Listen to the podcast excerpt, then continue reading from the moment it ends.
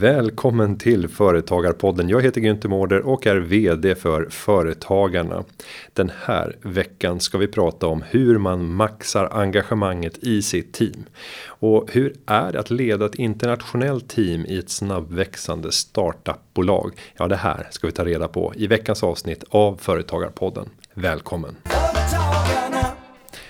Caroline Fjellner är ingenjören och managementkonsulten som blev grundare och vd på den snabbväxande startupen And Frankly. Och de verkar inom Employee Engagement och det ska vi ta reda på mer vad det handlar om.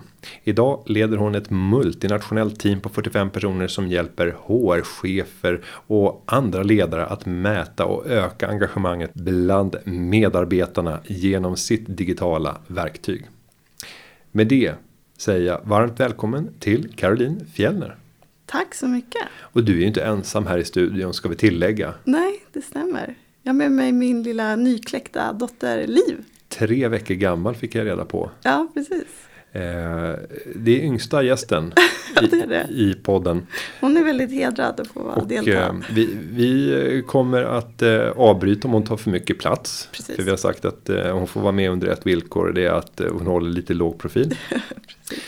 Och hon kallas Liv än så länge. Mm. Det är arbetsnamnet, jag tror att det blir det. Ja, det är väldigt fint. Jag, jag kallade ju mitt barn Nomen Nersia eh, när jag skickade ut, du vet vad man ska göra till jobbet. Ja, allting har varit bra. Eh, vi födde Nomen Nersia här klockan tre i natt och hon vägde så här mycket. Ja. Eh, och då blev det en snackis på kontoret. Bara, det var ett konstigt namn. Tills det var någon jurist som kläckte att eh, ja, men det är ju NN.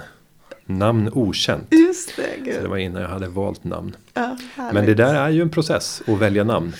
Det är jättesvårt och man är ju väldigt engagerad precis innan. Eh, sen så när bebisen kommer ut så är man ju Det är väldigt omtumlande så man har inte så mycket tid att fundera på det längre. Det, spelar, då, det spelar som nej, inte så stor roll. faktiskt inte. Man, jag tror man kommer älska det där namnet oavsett vilket Ja. man tar.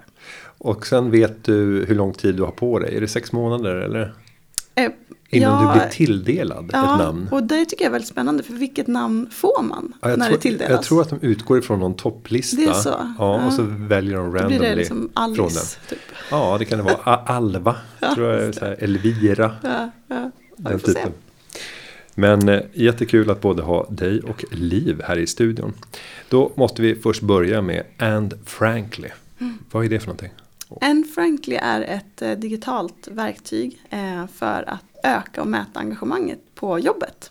Medarbetarnas engagemang. Så i grunden handlar det om men, att hitta ett arbetssätt för att göra medarbetare mer motiverade, mer välmående och verkligen prestera bättre på jobbet i slutändan och på det sättet skapa mer välmående företag också. Employee Engagement pratade om i inledningen. Ja, precis. Vad, om man ska översätta det till någon typ av så här tråkig svenska. Ja, men då Medarbetarengagemang. Ja, ja, man har pratat kanske tidigare har man kanske pratat mer om motivation. Eh, och det går ju såklart trender i det där, vad som är det mest populära uttrycket för att beskriva området. Eh, det handlar om ungefär samma sak men liksom, det har väl idag i engagemang det är det som man pratar om. Eh, för att liksom samla allting som handlar om både den där starka drivkraften framåt och viljan att liksom ta det där extra klivet för att bidra i sin roll men också att man mår bra på jobbet. Och om vi går tillbaka och tittar på grundandet av företaget. Mm. Eh, hur länge sedan var det? Eh, ja, nu var det, ska se, det var december 2016 som vi grundade bolaget och sen så hade vi våra så här day jobs under något år. Så vi hoppade på, nej förlåt, nu sa jag december 2014, så januari 2016 så började vi jobba med det heltid. Så fyra, fyra och ett halvt år då kanske har vi kört. Och för dig och säkert eh, flera i ditt ursprungliga team. Mm. Så kan jag tänka mig att alternativkostnaden var relativt sett hög. Det var inte så att ni gick och drällde på gatan och behövde hitta ett jobb och så skapade ni ett företag. Utan ni hade rätt eh, attraktiva och eftertraktade jobb och där man kan se en karriär ganska lätt. Ja, absolut. En trygg tjänstemannavardag. Ja men absolut, det är alltid, alltid relativt det där. Men, eh, men absolut, vi hade båda varit verksamma som konsulter eh, i drygt tio år. Eh, så att vi hade ju byggt upp en, en, en karriär då på den, på den vägen. Men eh, vi befann oss båda två, jag och min medgrundare Peder, då, eh, i en situation där vi hade sett eh, och liksom behovet av den här typen av tjänst. Eh, och även liksom, ja, men var väldigt frustrerade i våra nuvarande roller givet att man, vi kände att vi inte nådde fram hela vägen med de arbetssätten som vi hade då. Eh, så att det blev, det blev en naturlig drivkraft att liksom våga, våga satsa på det här. Och i livet som konsulter arbetade ni inom liknande fält? Alltså att jobba med medarbetarengagemang och den typen av frågor eller var det andra typer av konsultuppdrag? Nej, det var, det var det är alltid mycket besläktat men eh, jag var verksam inom som varumärkeskonsult men det innebär ju nästan alltid att någon form av förändringsresa för ett bolag. När man har satt den där nya strategin så ska ju den inkorporeras i alla delar av bolaget eh, och det innebär ju en, en, en resa för alla medarbetare att liksom Ehm, förstå både den nya positionen och sen vad innebär det för vår avdelning, för våra strategier och vårt sätt att arbeta och för mig personligen i min roll. Ehm, och ehm, just när den här idén till en Frankly föddes så var det väldigt mycket, jag jobbade på ett stort projekt för att driva igenom en, en förändringsresa och kände att jag inte hade något verktyg för att eh, ja, men just skapa mig en förståelse för hur många liksom, överhuvudtaget har sett att vi har tagit fram en ny strategi och är beredda att hoppa på eh, den, här nya, den här nya resan. Eh, och även eh, ja, men den, de utmaningar som finns med att man sitter och producerar en mängd med bra strategier och powerpoints. Men det är svårt att nå fram om det inte finns ett engagemang till att börja med. Om medarbetarna inte bryr sig eh, och inte liksom, orkar ta till sig det, det, status som finns just nu. Varför ska de bry sig om en ny strategi? Eh, så någonstans där eh, så föddes idén till en Frankly. Så vi, var, vi kom inte från HR-området. Eh, utan vi hade ju framförallt liksom perspektivet som ledare och medarbetare själva. Vad skulle vi behöva i en, i en sån här situation? Eh, och jag tror att det var positivt för utvecklingen av en Frankly i mångt och mycket. För att vi fanns inga heliga kor. Utan vi vi kunde ju liksom bara innovera helt fritt. Eh, vi kände inte till vilka principer som var viktiga att förhålla sig till inom HR. Utan då, då kan man vara lite, ta lite högre kreativ höjd. Eh, sen naturligtvis tidigt så involverade ju vi HR-experter och de som var riktigt tunga för att liksom stresstesta lite idén och börja prova den praktiskt för att se om vi fick, någon, fick rätt resultat. Och om vi tar då från den försiktiga starten 2014 mm. parallellt med nuvarande jobbet. Mm. Eh, eller med dåvarande jobbet. Och sen fram till idag. Om vi ska beskriva And Frankly idag. Mm. Vad är det som finns idag? Ja men väldigt mycket egentligen är bekant med det som vi faktiskt initialt bestämde oss för att jobba med. Eh, vi hade några principer som vi etablerade som vi trodde väldigt starkt på och det var Dels kraften i små förändringar. Att inte bara liksom jobba med de här frågorna en gång om året, vilket var väldigt typiskt då. Att man hade en medarbetarundersökning till exempel och då grävde man ner sig i det här området för att skapa sig en förståelse för medarbetarnas motivation en gång om året.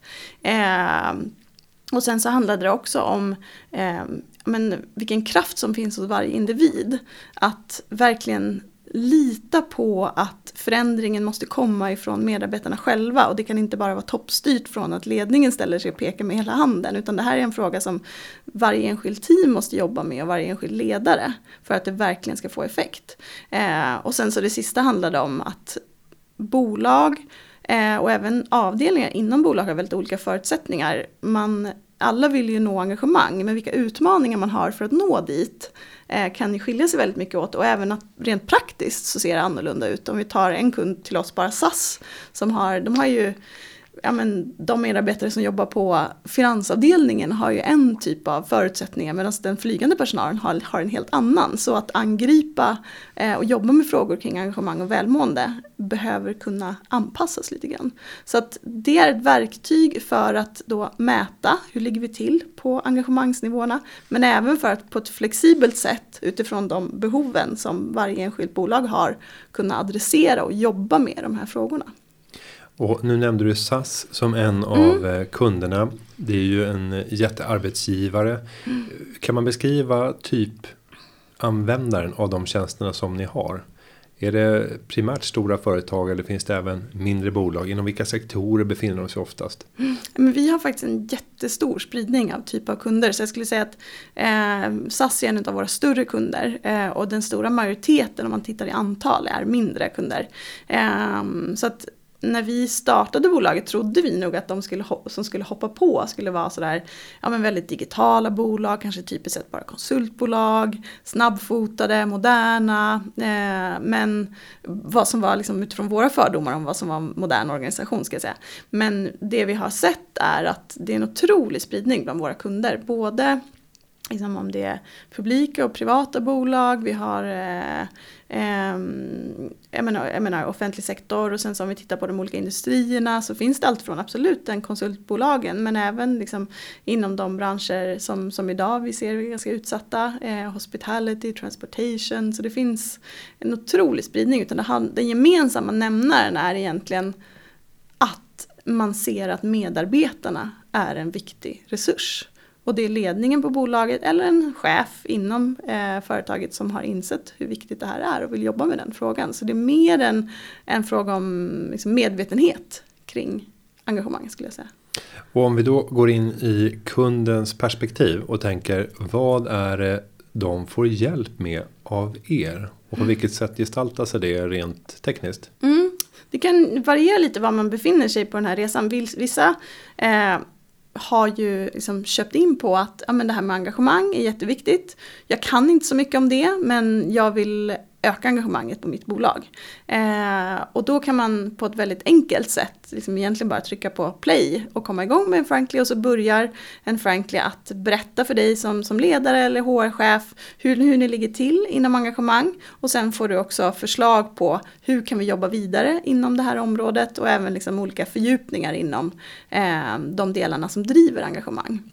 Men det kan också vara så att du som kund har en väldigt stark uppfattning och förståelse för ja, men just vår utmaning i ledarskap. Eller vi befinner oss just nu på en förändringsresa.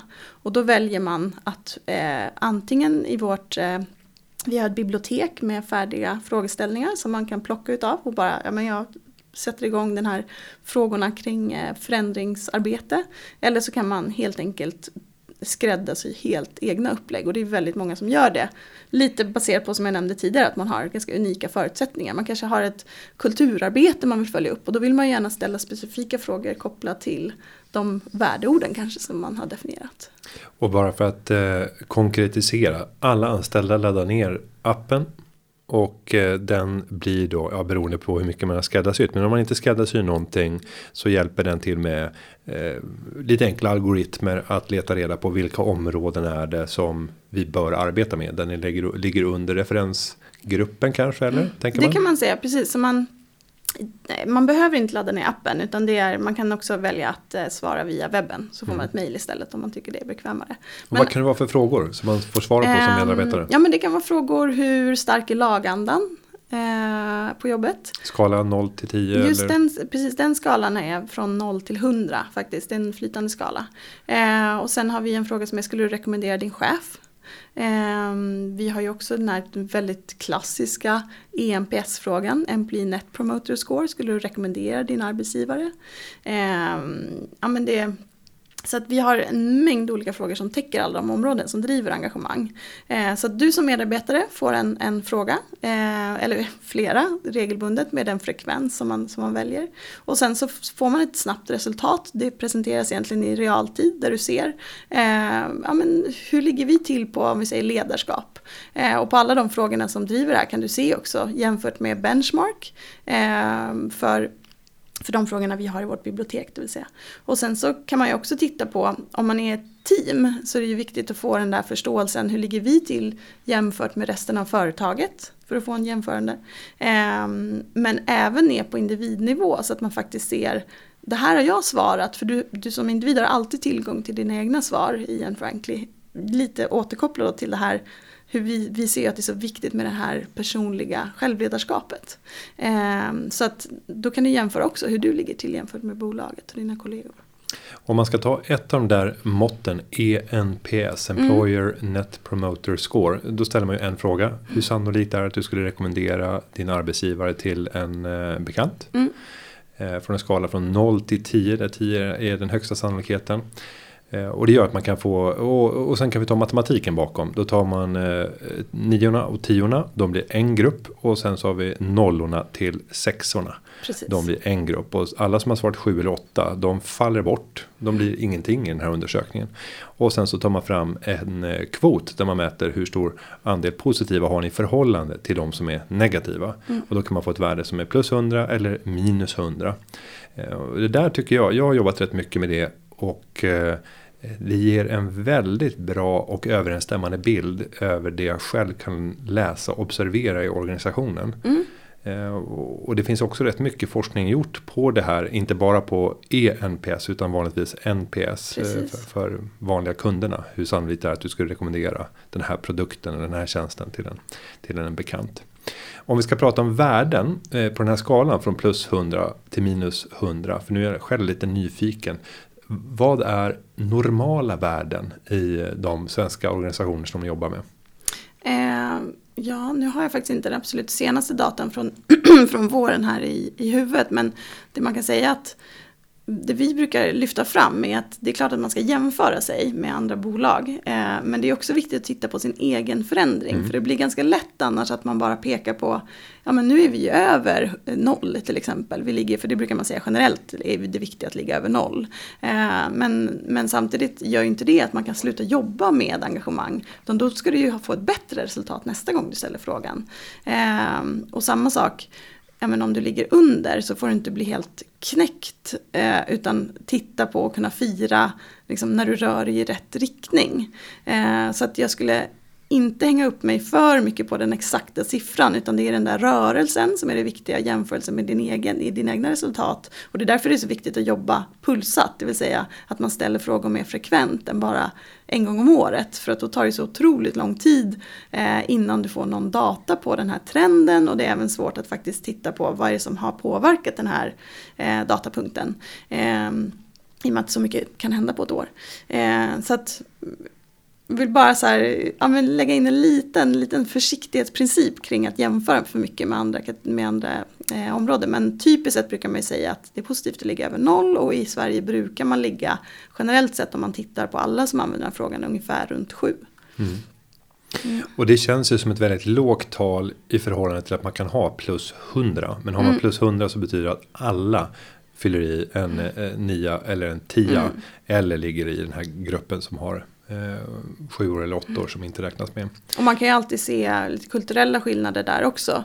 Eh, när jag tittar på studier kring det här så kan ju svenskar ibland vara lite försiktiga med att faktiskt sätta nior och tior. Mm. Att sätta det där max, eh, det ligger i vår kultur att inte ta till extremerna när vi vill liksom, signalera någonting.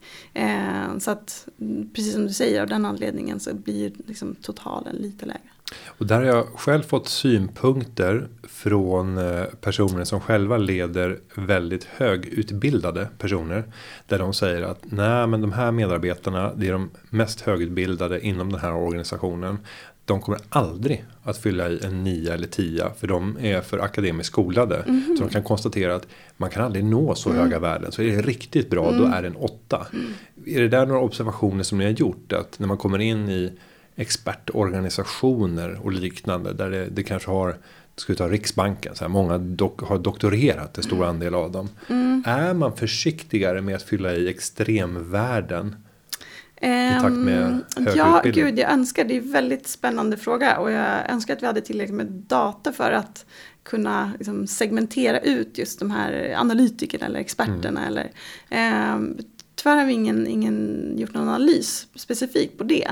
Men det som jag kan snappa upp är ju att vi märker ju mer diskussioner eh, kring frågorna i sig eh, i den typen av eh, Alltid ifrågasättande. Ju... Ja, och jag tror att det ligger i liksom, deras natur. Mm. Eh, men vi försöker pusha tillbaka det lite för det blir ju lätt att man diskuterar frågans utformning istället för att ja, den kanske inte är, det kanske inte är 100% korrekt då för våra team. Eh, men det kanske är 80% rätt och om vi ändå lägger tiden på att prata om vad det här faktiskt mm. signalerar i de stora penseldragen så är nog den tiden mer värdefull och rätt investerad.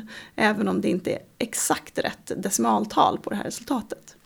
Men om vi nu går tillbaka till bolagsbyggandet. Eh, ni startade då 2014 och har sedan expanderat internationellt. Mm. Vilka marknader finns ni i dagsläget? Eh, ja men idag så finns vi primärt i Sverige fortfarande ska jag säga. Så det är absolut våran, våran, våran största marknad. Eh, förra året hade vi ungefär eh, 70 73 procent tror jag det var eh, försäljning eh, i, i Sverige. Så det är ju absolut störst. Eh, och annars så finns vi i i Norge i ganska stor utsträckning. Sen har vi en del kunder runt om i Europa och det kommer mycket av att vi har växt organiskt med våra kunder. Jag kan nämna eh, BCG som ett exempel som vi har ett samarbete med i Norden sedan väldigt, väldigt länge och sen har det här vuxit till kontor i Mellanöstern och i Ryssland och Australien. Och, så att det, är ett, det är ett väldigt naturligt och väldigt belönande sätt också att växa på. Och är inte det en ganska tacksam exportstrategi? Att välja kunder som mm. själva är internationella och kunna följa med dem ut i världen. Istället för att själv säga så här. Ja nu ska vi etablera oss mm. på den här nya marknaden. Mm. Vi måste skicka dit en marknadsansvarig mm. som gör en marknadsanalys. Mm. För det här har inte varit. Jag kan tänka mig att Norge har varit ett strategiskt övervägande eller? Ja, delvis. Eh, det, var, det är också ganska, man, man förstår affären mm. där och det är väldigt många av våra befintliga kunder i Sverige som har verksamhet redan i Norge. Så det var ett naturligt sätt att också växa genom våra kunder. Men i de andra marknaderna så är det mm. mer att det är kunder som har efterfrågat mm. och så här, kan vi leverera? Ja, det kan vi göra. Ja, ja, men väldigt opportunistiskt. Alltså det har varit utan att vi har liksom strategiskt har satt ner vår fot på en ny marknad. Det är någonting som vi ser framför oss som ett naturligt nästa steg. Men det är klart att eh, liksom man tittar på vad det kostar att etablera sig på en ny marknad. Mm. Det är ju alltid mest effektivt att växa genom sina kunder. Och har ni bara ett bolag i Sverige eller har ni satt upp några bolag till exempel i Norge eller på andra marknader? Nej, vi har ett bolag i Sverige. Och det där är ju en, en ganska intressant tanke som entreprenör. Mm. Hur ska man leda det här mm. bolaget som blir mer och mer internationellt? Mm. Och det handlar väl, tänker jag, rätt mycket om behöver man nyckelmedarbetare på plats mm. som måste ha delägande mm. för att kunna få det engagemanget. Det. Och börjar man då ha delägande i det svenska moderbolaget så blir ju hela ens prestation utsuddad av den ofta gigantiska ja. koloss av omsättning som det blir. Så då kan det vara jättebra att sätta upp ett säljbolag. Som är dotterbolag. Mm. Låt personen äga kanske, mm. eller det teamet få äga 45% av mm. det bolaget lokalt. Mm. Men som får jobba med lite mm. royalties mm. kopplade till modellen och, och lisa hela Aferedo-tekniken. Men om vi ska ta de mest utmanande stegen i den här resan. Eh, vad, när har det varit som tuffast och när har det känts som härligast? Oj, eh, Ja, men jag tror att eh, det är en väldigt härlig tid precis när man drar igång. För då finns ju inga begränsningar. Eh, det är... Och bara du och Peder? Ja, precis. Ja, inga andra inledningsvis? Utan... Nej.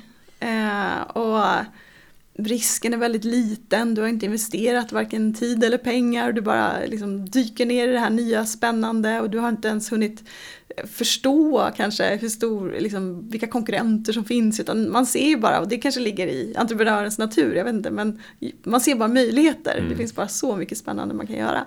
Eh, så att jag tror att den tiden är ju, är av, väldigt kittlande av den anledningen. Sen ska jag säga att det har varit jättehärligt också att se teamet växa. Eh, men när man hittar de där äh, fantastiska personerna och man ser att det är verkligen rätt person på rätt plats.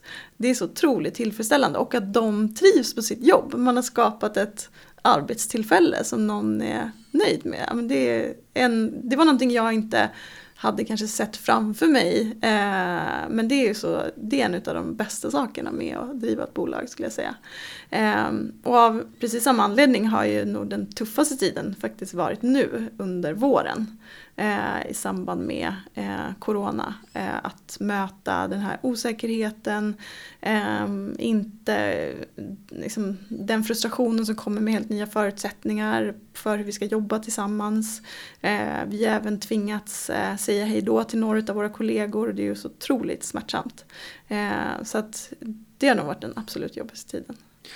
Och att möta en sån här kris när man säljer en så här engagemangs och motivationsprodukt mm. i digital form.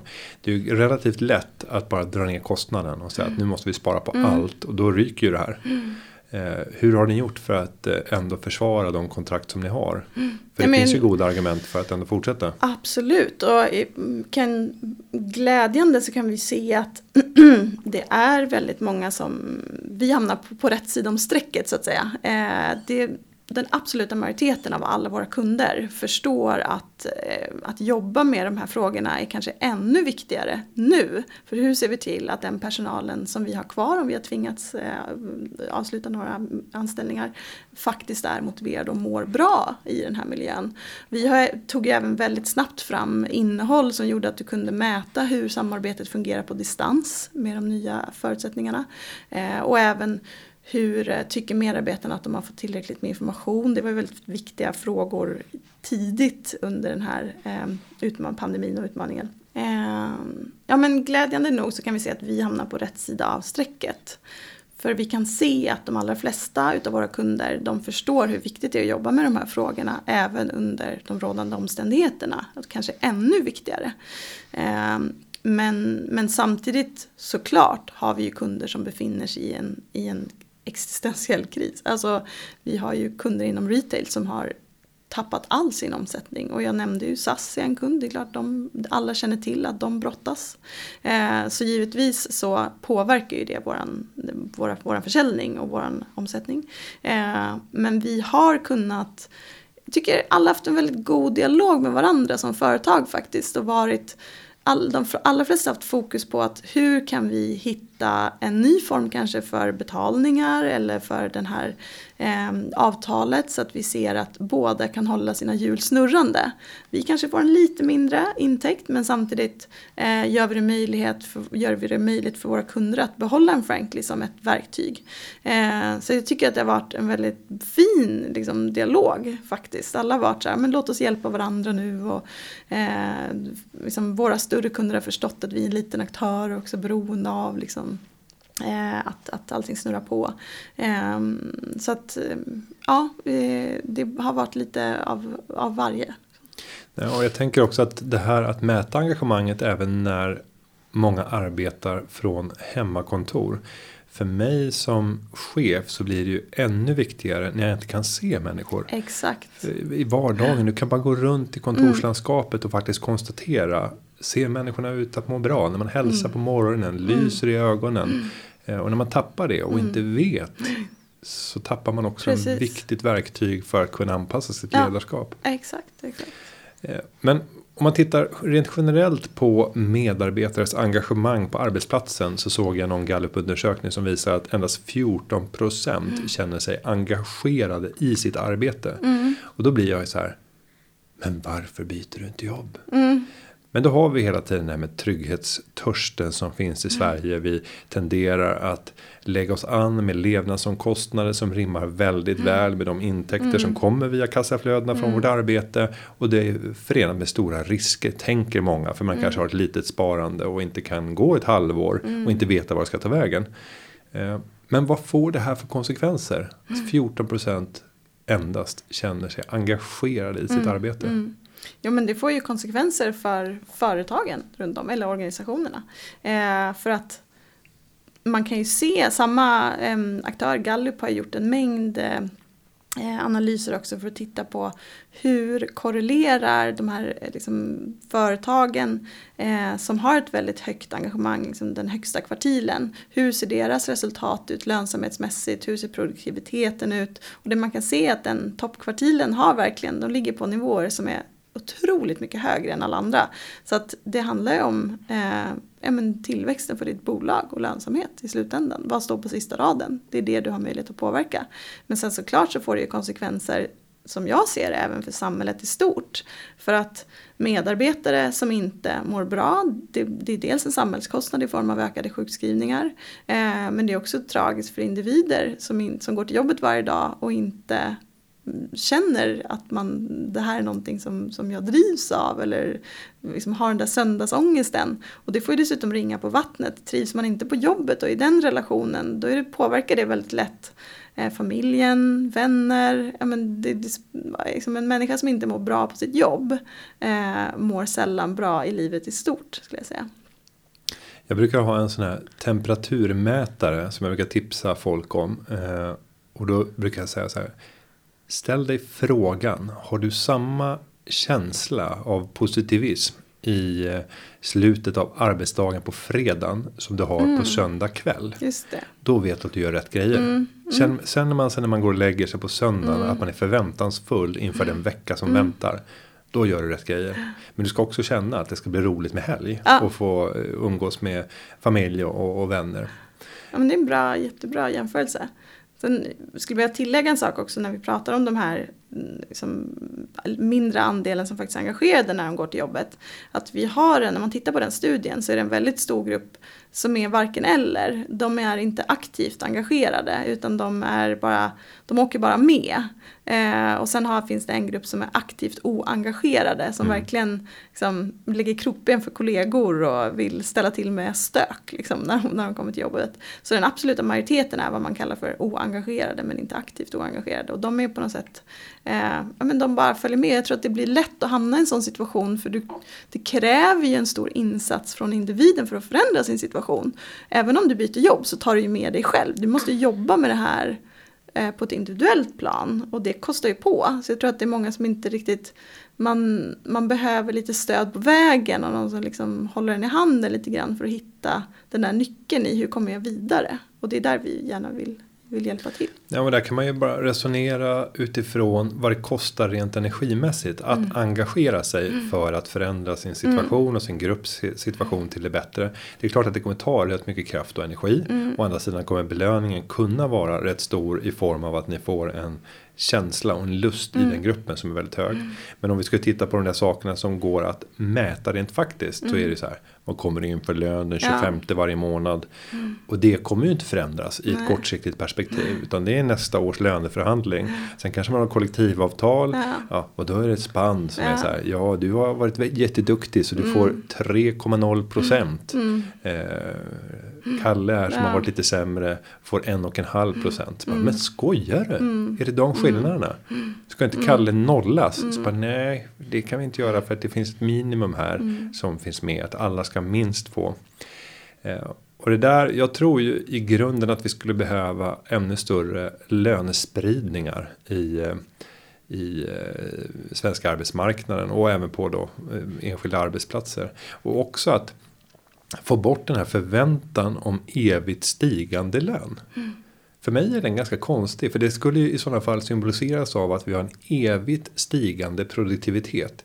Jag har ju enskilda år där jag vet att det här var inte mitt toppår. Mm.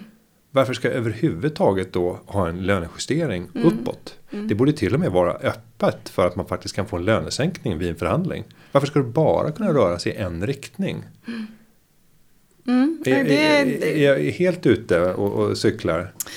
Jag vet inte om jag är, är rätt person och Hade du varit en facklig företrädare så hade du blivit helt röd i ansiktet och kokat. Bara, Självklart måste man alltid ha stigande ja, lön. Precis. Men jag kan ju säga som om jag svarar som företagare så tycker jag att det, det, är viktigt att det finns en förståelse från medarbetarna kring att det i mångt och mycket hänger ihop med hur bolaget går. Mm. Eh, även om man, man kan skapa incitamentsmodeller för det. Vi har till exempel introducerat nya kvalificerade personaloptionerna eh, som, som är väldigt förmånliga eh, i vår, för den typen av bolag som vi är, vår storlek.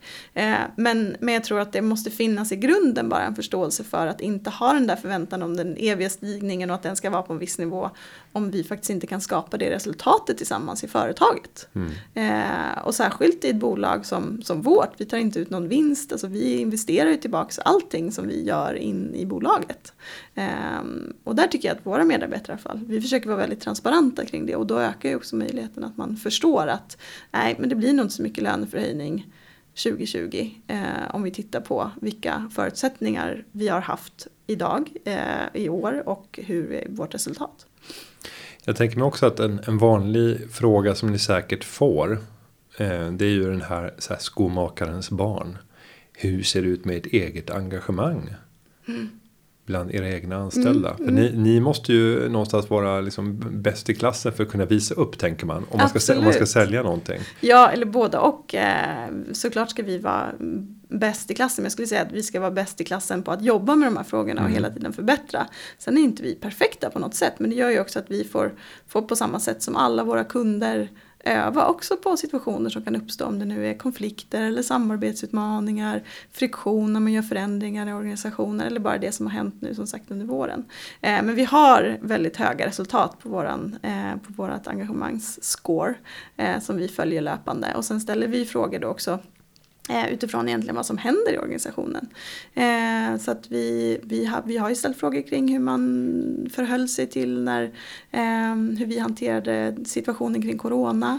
Eh, också frågor kring samarbetet på distans har vi löpande ställt frågor om nu under våren som ingår i våra standardpaket.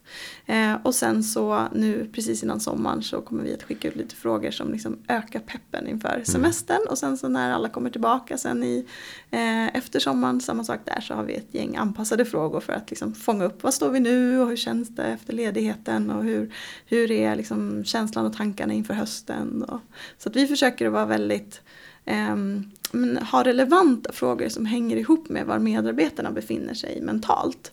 För det skapar alltid ett större engagemang också för att ha dialogen kring resultatet och frågorna i sig. Och kan du ge några tips på vad man kan göra under den här märkliga perioden vi befinner oss nu inför en stundande semester. Många har suttit och arbetat mm. hemifrån. Eh, för många organisationer och företag så är det oklart. Kommer vi kunna komma tillbaka efter mm. semestern? Mm. Vad har du för generella tips för att hålla energin? Men jag tror man måste uppe? kommunicera ännu mer. Det är så tråkigt att det alltid är samma råd som man kommer med. Men eh, man måste bli ännu bättre att ha en tät dialog eh, och att hela tiden visa den där närvaron eh, och kommunicera vad kommer att hända efter semestern. Och vet man inte så kan man säga det, men bara att man säger någonting så att man hela tiden finns där. För att annars som du säger har man ju den där snabba check innan man, man ses vid kaffeautomaten. Om man inte gör det på samma sätt idag så är det ännu viktigare att man liksom hela tiden finns närvaro i medvetandet. Eh, så det skulle jag säga som tips, att verkligen vara noga, mer noga i år med det där eh, Liksom den där sommarhälsningen till alla medarbetarna. Eh, kanske summera upp några reflektioner kring vad har vi gått igenom här under våren. Vad ser vi framför oss eh, nu efter semestern. Eh, informera om vad kommer hända under semestern. Kanske ha en, en snabb check-in, bara skicka ut ett mail eller en statusuppdatering under ledigheten för att bara liksom om någonting, har, så här, om någonting har förändrats eller om det inte har det så kan man säga det. Så jag tror bara den där löpande kontakten måste vara ännu tätare. Jag har ett eh, här, gammalt trick som jag begagnade mig av som ung när jag eh, raggade. eh, och det går att använda, även i, ja, det går att använda även i, i yrkeslivet. Nej, men jag, jag var inte så eh, framgångsrik då. Eh, vilket innebar att jag fick jobba ganska mycket med mängd. Så det gäller att liksom hålla många fiskar varma. Ja. På säga men, men, då kunde det vara kanske fem, sju stycken som man prövade mm. och initierade det här med. Och jag var bäst i den skrivna kommunikationen. Mm. Och då kunde jag göra här, ett generiskt brev. Eh, som jag skrev då, då blev det ett mail. Och sen så fanns det kanske fyra eller fem punkter mitt i mejlet. Där jag hade öppnat upp för att det skulle vara personliga reflektioner kopplat till just den här mm. människan. Mm. Så att det blev ett väldigt långt. Det kunde mm. bli så här tre, fyra sidor långt eh, mejl. Eh, och det fanns ändå på fem punkter saker som bara kan ha varit riktade till dig. Mm. Det kan inte varit till någon mm. annan. Och det var mm. väldigt tydligt markerat att man kunde liksom industrialisera processen för framtagandet av det här kärleksbrevet. Eh, och det funkade relativt bra eh, tills dess. Här väntar man ju sig en respons. Utmaningen då, det var ju att man fick tillbaka så här sju, åtta nya frågor. Mm. Och då försvann eh, Industritänket? Ja, det gjorde det. För då var du tvungen att börja göra individuella anpassningar. Alltså. Och då kunde du inte hålla uppe. Du kan, kan inte klara av att hålla den nivån på, på mm. fem, sju personer samtidigt. Men ska du skriva en sommarhälsning. Så tänker jag att det där är ett ganska bra knep. Att tänka så här, hur skulle ett, en generisk hälsning ser ut med mm. de sakerna som du vill ha med som är viktiga medskick för att föda energi, mm. framåtanda, en längtan till det som kommer till hösten. Mm. Om du ska spränga in tre ställen i det här mm. brevet där det kommer någon typ av personlig touch. Mm. Eh, där man besvarar frågan kanske varför ska det bli så roligt att göra den här resan mm. tillsammans med dig. Mm. När jag ser tillbaka på den senaste våren som har passerat. Eh, vad är det jag särskilt tänker på när jag ser din prestation. Ehm. Och där tror jag att man kan vara ganska, återigen, transparent kring hur den här processen har gått till. Så man kanske kan skicka ett generiskt mail till alla. Men så forwardar man det till sina medarbetare om man vill skicka något personligt och bara åh till dig vill jag också lägga till att. Ja, ja, okay. Alltså ja, för att ändå, mm, ja men alla förstår ju att man kanske inte har tid att skriva. Alla kanske, plus att jag tror att folk fattar. På en arbetsplats så sitter man och pratar. Ja, det är lättare alltså, med sju separata ragg. Man, man vill ju väldigt sällan känna att man är del av en industri. Utan Nej. alla medarbetare, vi brukar faktiskt likna den här optimala relationen till sin arbetsgivare vid en kärleksrelation. Mm. För det drivs i mångt och mycket av väldigt liknande sak, drivkrafter. Eh, och man mäter ofta med liknande nycklar. Eh, man vill ju ha den där känslan av att man är oersättlig. Eh, man vill ha liksom, uppmärksamhet och bekräftelse. Man vill känna att man är, man är unik och utvald. Och, så det finns ju väldigt, det är väldigt viktigt att behålla den känslan. Mm. Även på arbetsplatsen. Så tänker jag, där den, den klantiga chefen tänker även att de vill ha fysisk närhet. Så bara, nej, nej. nej. Uh, ja, så i vissa dimensioner, i många dimensioner, Precis. väldigt litet mm. kärleksförhållande. Mm. om vi nu eh, avslutningsvis ska blicka framåt och titta för de kommande sex åren. För nu är det snart sex år sedan ni grundade företaget. Vågar du ens tänka tanken? Var kan ni befinna er då? Mm, ja men då har vi definitivt eh, byggt en global närvaro på ett helt annat sätt än vi har idag. Eh, och är ett eh, otroligt mycket större för, företag eh, med ännu fler liksom, kulturer som, som springer tillsammans mot det gemensamma målet. Sen vågar jag inte uttala mig riktigt om siffror här och nu. Eh, men eh, ja, den där globala närvaron och internationella expansionen känns otroligt spännande.